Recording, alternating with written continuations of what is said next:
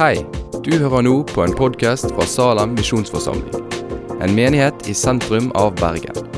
Vil du vite mer om oss eller komme i kontakt med oss, gå inn på salem.no.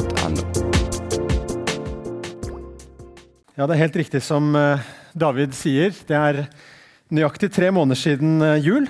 Og for nøyaktig tre måneder siden så sto jeg også her og talte til forsamlingen på julaften. Um, og nå er det altså Maria budskapsdag, og det er tre måneder siden jul og ni måneder til jul. og eh, Jeg håper ikke det blir sånn at jeg er en sånn eh, forsamlingens juleduk som hentes fram eh, kun ved visse anledninger. Eh, nei da. Eh, utrolig kjekt å få være her og få tale til dere og være sammen med dere i, i Salem.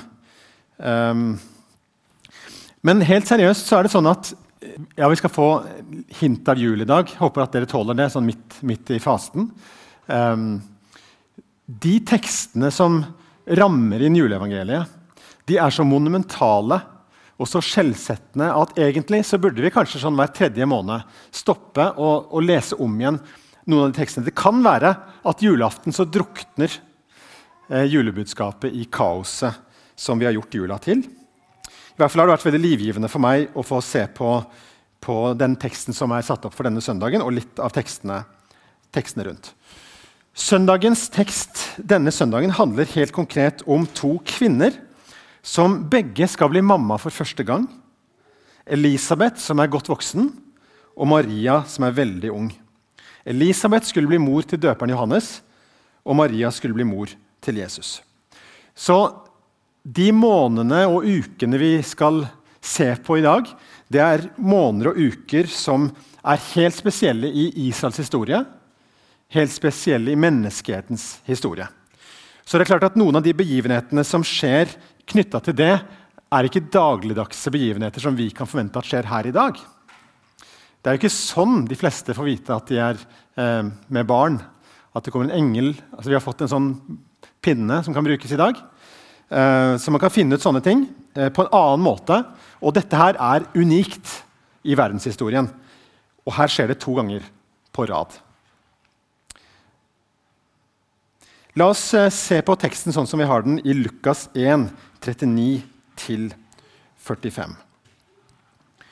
Noen dager senere dro Maria av sted og skyndte seg opp i fjellbygdene til den byen i Juda hvor Zakaria bodde. Ja, Dere må gjerne reise dere. Alle opp. Det er bra. Vi tar det en gang til. Noen dager senere dro Maria av sted og skyndte seg opp i fjellbygdene til den byen i Juda hvor Zakaria bodde. Der gikk hun inn til Elisabeth og hilste på henne. Da Elisabeth hørte Marias hilsen, sparket barnet i magen hennes. Hun ble fylt av Den hellige ånd og ropte høyt.: Velsignet er du blant kvinner, og velsignet er frukten av ditt morsliv. Men hvordan kan det skje at min Herres mor kommer til meg? For da lyden av din hilsen nådde øret mitt, sparket barnet i magen min av fryd. Og salig er hun som trodde, for det som Herren har sagt henne, skal gå i oppfyllelse. Amen. Vær så god, sitt. Vi må se litt på forhistorien. Zakaria blir nevnt her, liksom i forbifarten i vår lille tekst, men det står et langt avsnitt om Zakaria før vår tekst og et langt avsnitt om han etterpå. Han er altså Elisabeth sin mann. Han er av Arons ett. Eh, og han er, hans familie er en del av et sånt vaktskift som har med tempeltjenesten å gjøre. Han var ikke ypperste prest, men han var en av de prestene som gikk inn og gjorde tjeneste ved røkelsesalteret. Og så kaster de lodd, og så er det sånn at akkurat denne, denne dagen så er det han som skal inn foran alteret. Det å være ypperste prest, som altså ikke Zakaria var, men det å være ypperste prest var litt mer skummelt. Eh, for da måtte du gå inn til det som heter det aller helligste. Eh, og Det skjedde en gang i året ved den store forsoningsdagen. Og da var Det sånn at det var ingen andre som kunne gå inn i det aller helligste. Så hvis du skulle skje noe merkelig der inne, og hvis du skulle få et illebefinnende, så, så kunne ikke noen gå inn og hente deg. Så Derfor så tok de et tau rundt foten på den ypperste presten, så de kan dra han ut igjen fra det aller helligste. Så hellig var det å møte den allmektige Gud i det, hel det aller helligste. Mens røkelsesalteret, der hvor Zakaria gjorde tjeneste, der var det mulig for andre å gå inn også. Eh, og det var liksom rommet før det aller helligste. Og Akkurat denne dagen så skjedde det faktisk noe dramatisk. Og Det var ikke det at Zakaria fikk hjerteinfarkt eller, eller liksom illebefinnende, men nesten. For plutselig Og så sier, eh, sier Lukas på høyre side av røkelsesalteret og det blir på den siden hvis det var røkelsesalteret for deg. På høyre side der sto plutselig en engel og snakka til Zakaria. Det er jo nok til å få sjokk av, eh, tenker jeg. Men legg merke til hvor detaljert Lukas er. Til høyre for røkelsesalteret. Det er ikke en påkommet historie. Det er en Lukas han har, han har, gjort jobben sin. leser vi i begynnelsen av kapittel 1. Han har intervjua øyenvitner. Så her kan vi regne med at han har snakka med Zakaria sjøl eller Elisabeth eller i hvert fall Maria. Eh, og fått med seg denne lille detaljen at det var på høyre side av røkelsesalteret at engelen plutselig sto. Og Det som engelen sier til Zakaria, det er følgende.: Frykt ikke, din bønn har blitt hørt. Og Da kan vi tenke på hva slags bønn kan det ha vært. Jo, Zakaria og Elisabeth de var barnløse. Og Nå var de blitt godt gamle, så jeg er helt sikker på det, at den bønnen der det var det veldig lenge siden Zakaria hadde bedt. Det var liksom mens det ennå var sjans. Så når vi ber om ting, så kan det gå veldig lang tid. Og likevel, i Guds økonomi, så er det helt riktig timing. Det er engelens budskap til Zakaria. Din bønn har blitt hørt. Det er en baby på vei. Elisabeth, kona di, skal bli med barn. Hun skal føde en sønn, og du skal gi ham navnet Johannes. Og så vet vi da, som jeg sa i sted, at Elisabeth og Zakaria skal sammen bli foreldre til han som seinere skal bli kjent som døperen Johannes. Og så er det ikke Zakaria budskapsdag som er dagen i dag, det er Maria budskapsdag som er dagen i dag. Eh, så vi skal altså seks måneder fram i tid, ganske straks. Men jeg syns det var litt interessant å se på Zakaria, som også er nevnt i vår tekst, og Maria. Og litt forskjeller på de to i måten de takla det budskapet som de begge fikk på. Det er mye som er likt. Det er også noe som er forskjellig. Begge fikk besøk av engelen Gabriel. Han navngir seg sjøl i, i, begge disse tilfellene. Og Det er altså engelen som står for Guds ansikt. Det er ikke en, det er ikke en småengel. Dette er en av sjefsenglene, Gabriel. Og Han er den som får oppdraget to ganger på rad med seks måneders mellomrom eh, til å fortelle om en forestående graviditet. Det er det det handler om i begge tilfeller. En graviditet som skal komme. Eh, Maria skal bli mamma til Jesus, verdens frelser. Eh, Zakaria skal bli pappa til Johannes, forløperen til Jesus. Og Så virker det som om begge to blir like overraska. Og så kommer forskjellen. Zakaria han uttrykker såpass mye tvil at engelen sier til ham nå skal du bli stum for en tid og ikke kunne tale før dagen dette skjer, fordi du ikke trodde mine ord. Jeg husker at jeg var liten gutt og leste denne historien i sånn barnebibel, så ble jeg litt sånn sjokka. Altså. Og så tenkte jeg, liksom, Er det sånn det er å ikke tro på Gud? At liksom, man kan plutselig miste en av de fem sansene vi har fått? Sånn over natta? Er det, er, det, er, det liksom, er det, noe vanlig, dette her? Og jeg skjønte jo ganske snart også som liten, at det var det jo ikke. Som jeg sa, uvanlige begivenheter, uvanlige ting som skjer. Dette er ikke det vi kan regne med sånn i, i, vår hverdag. At om, om, om vi opplever at, at, det er noe Gud taler til oss, eller en innskytelse vi får, eller et eller annet som, og så er vi litt sånn usikre, såpass usikre at vi sier nei, dette kan ikke skje. For Zakaria så var det jo sånn, altså det var jo gått veldig mange år da, siden de hadde begynt å be den bønnen. Og nå var de gamle begge to. og Det er faktisk ikke sånn teknisk mulig lenger, tenker Zakaria. Så, så, han uttrykker den tvilen til engelen og sier rett ut at dette her stiller jeg meg litt tvilende til, for å være helt ærlig. Og Jeg ser liksom en slags dramatikk i det. da, At Gud sender engelen Gabriel for å gi en så tydelig beskjed om at noe skal skje. Og så sier han nja. Teknisk sett så er vel det litt krevende. I hvert fall så er konsekvensen i dette tilfellet at engelen sier du skal ikke kunne tale. Du blir stum. Og så tilbake til vår hverdag. Eh, som sagt dette er, ikke vår, dette er ikke en overhengende trussel for oss. Men kanskje er det noe her likevel. Kanskje er det noe vi blir frarøva for en tid hvis ikke vi tror Gud. Altså Én ting er det med at vi ber om ting, og så glemmer vi at vi har bedt om det. Og når det kommer, så tenker vi ja, ja. Og så glemmer vi å takke Gud. Da er vi berøva fra en trosglede, tenker jeg. Og så kan det være og dette er noe som Vi har begynt å snakke litt om i vår bibelgruppe. Det var veldig morsomt at du nevnte bibelgruppa di eh, innledningsvis. David. Jeg også tenkte jeg skulle si noe om bibelgruppa mi. Um, for det første har jeg lyst til å si at Det var veldig kjekt å komme til Salem eh, i høst når vi flytta hit. Og, eh, og, og, det gikk ikke så veldig mange ukene, eh, kanskje noen måneder, så fikk jeg et spørsmål fra en av, en av mine kamerater. Du skal ikke bli med i vår bibelgruppe, da? Og det var utrolig kjekt å få det spørsmålet. Eh, så jeg ble med. og Så gikk det noen uker, så var det en, en, en annen kamerat som, som, jeg kjente litt fra før, som, eh, som dumpa inn i Salem her og som sa ja, jeg tenkte jeg skal begynne å gå i Salem. Og da tenkte jeg, nå spør jeg de andre, kan, kan ikke vi invitere han også inn? Så nå er vi to nye i den gruppa. Og, og det er utrolig kjekt. Både sosialt, veldig god mat, eh, men ikke minst åndelig. For det å, det å tilhøre en menighet, det er jo å komme og høre. Det komme og delta i nattvær. Men det å snakke rundt et måltid og før et måltid og lese teksten, be sammen, men også utfordre hverandre litt, det er utrolig kjekt. Utrolig givende. Og får tankene i sving på en måte som i hvert fall for min del opplever jeg kanskje ikke det samme som tilhører alltid i, uh, og som sitter der dere sitter nå. Så jeg slår et slag for den lille gruppa. I den gruppa vår har vi begynt å snakke de siste gangene om ja, dette med å tro på Gud, er ikke det mer enn en sånn slags sånn tilslutning til en lære? Er ikke det også en tilkobling til en levende Gud?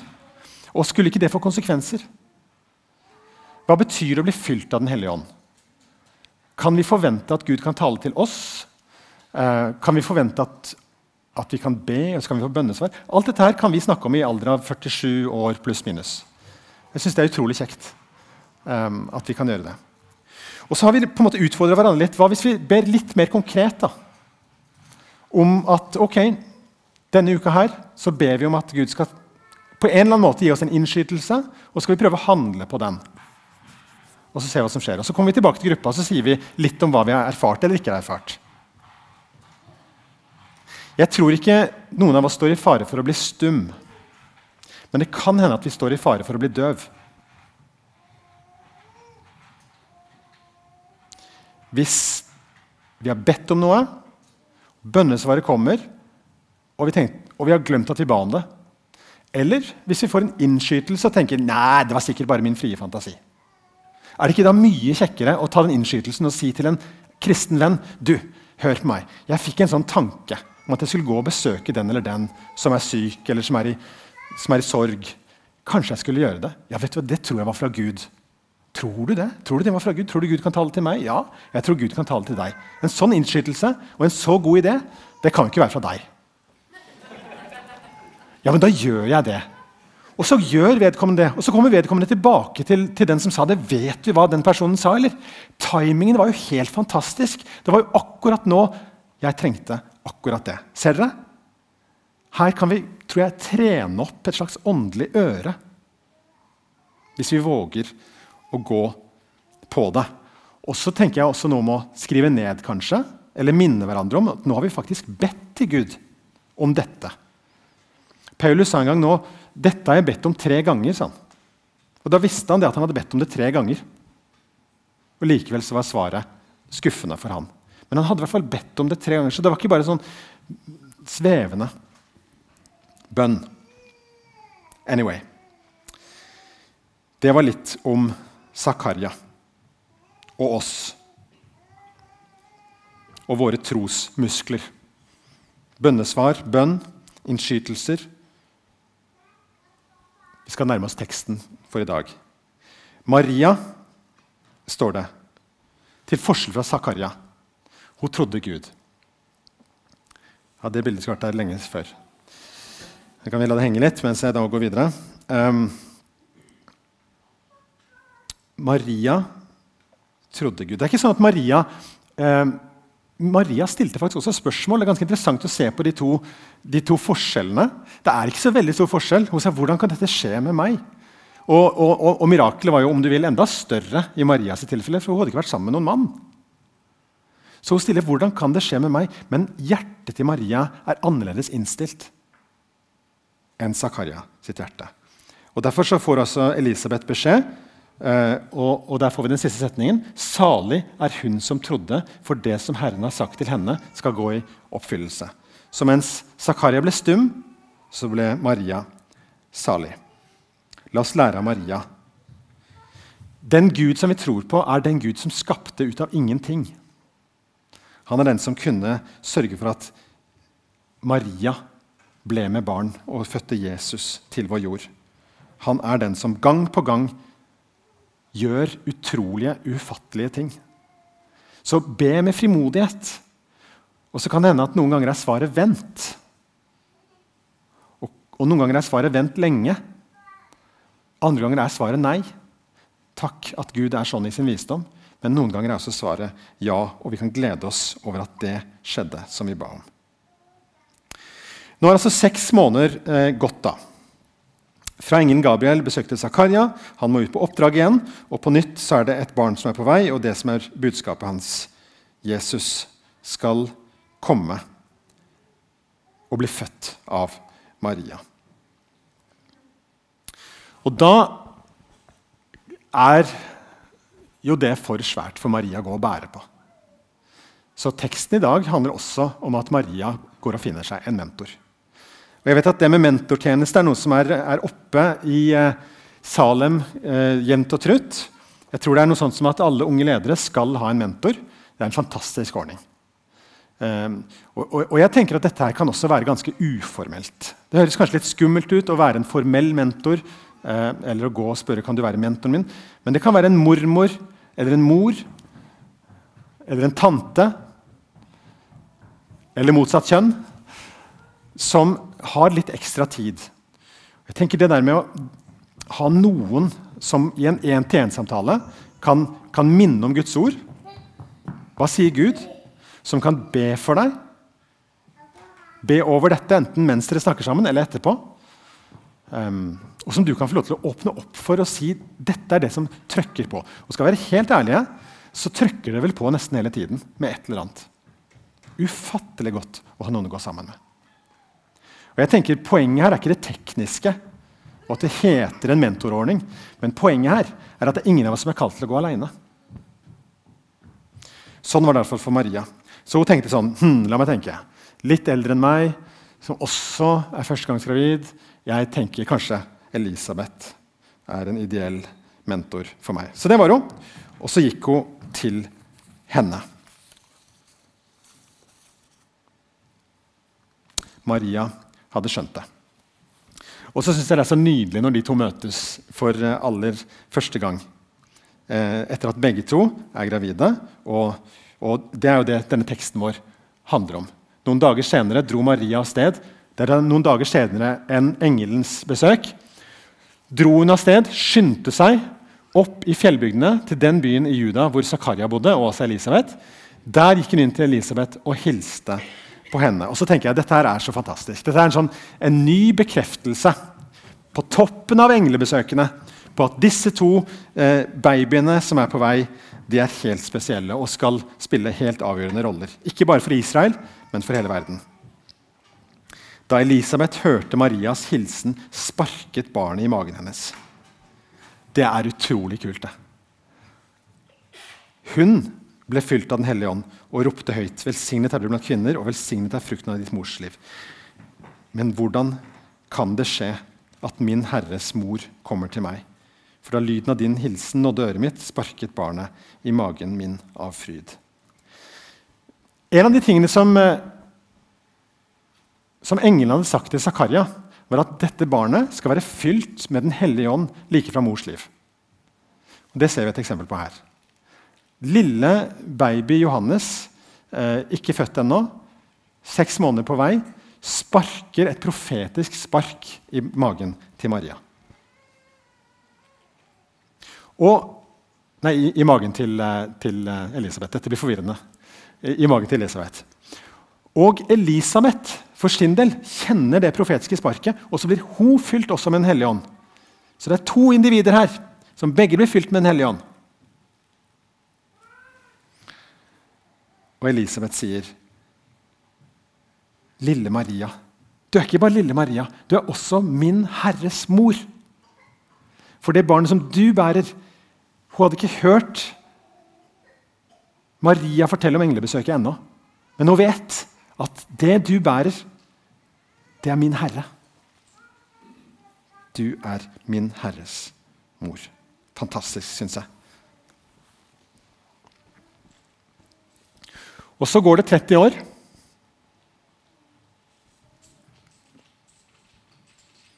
Og så er guttene vokst opp. Og så døper den ene, den andre.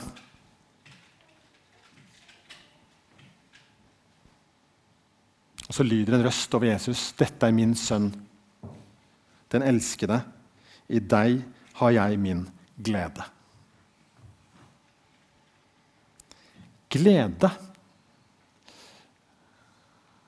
I vår bibelgruppe har vi spurt oss spørsmålet hva betyr å bli fylt av Den hellige ånd. Mange steder i apostlenes gjerninger så står det da ble disiplene fylt av glede og Den hellige ånd.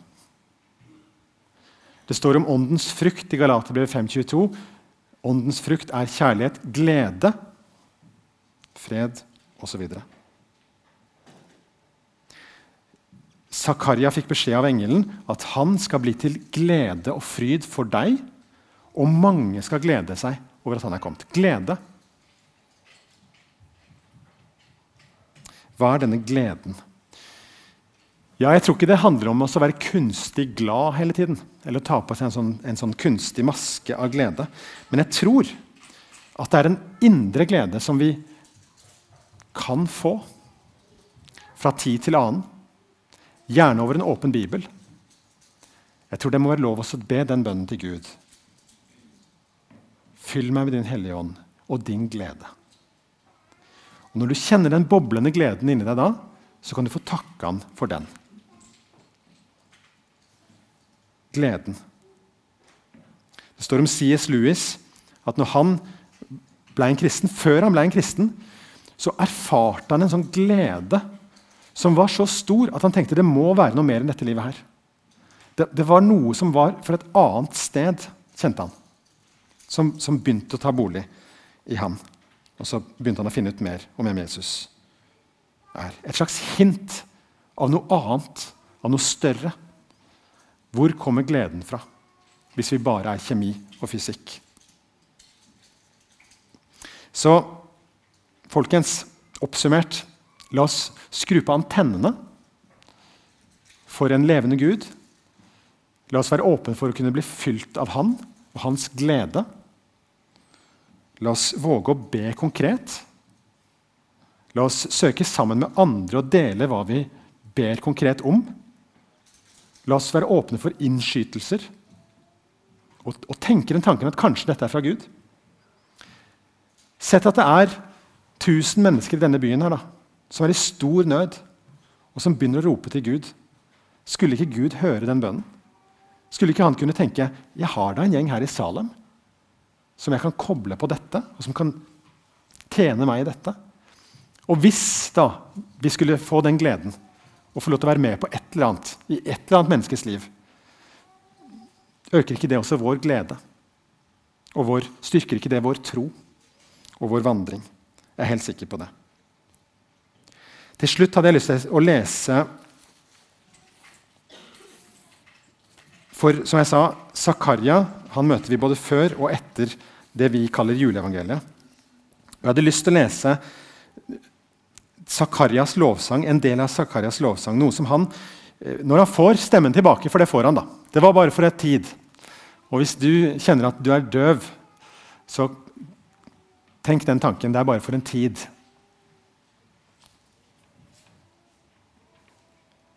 Han eh, fikk talens gave tilbake og lovpriste Gud knytta til eh, Johannes døperen sin navnedag. Og da sa han, og du barn skal kalles profet for den høyeste, for du skal gå fram foran Herren og rydde hans veier. Og gi hans folk å kjenne frelsen når deres synder blir tilgitt. For vår Gud er rik på miskunn. Slik skal lyset fra det høye gjeste oss som en soloppgang og skinne for dem som bor i mørket og dødens skygge, og lede våre føtter inn på fredens vei. De som bor i mørket og dødens skygge. Noen av de bor i det vi kaller misjonslandene våre. Andre av de som bor i mørket og dødens skygge, de er like utafor lokalet vårt her. Så det er Far i himmelen sitt kall til oss som forsamling. Han er en levende Gud. Han taler til deg. La oss be. Himmelske Far, vi takker deg for at du er en levende Gud, og for at du er far, og at du har omsorg for oss, og så har du omsorg for de andre. De som ennå ikke tror. Du elsker dem med en uendelig kjærlighet. Så ber vi om at du skal eh, kveike til liv. At du skal puste på glør. Rak oss sammen i det kristne fellesskapet, så vi kan gløde og brenne og leve for deg. Takk for at du ikke vil at noen av oss skal være aleine, men at du har gitt oss det kristne fellesskapet. Takk for Maria og Elisabeth og deres eksempler. I Jesu navn. Amen. Takk for at du har hørt på podkasten fra Salem, Bergen. I Salem vil vi vokse i et stadig dypere fellesskap med Gud og med hverandre. Vi vil være Jesu hender og føtter, og vi vil være med å forkynne frelse for Bergen og resten av verden. Besøk oss gjerne på salem.no om du vil vite mer.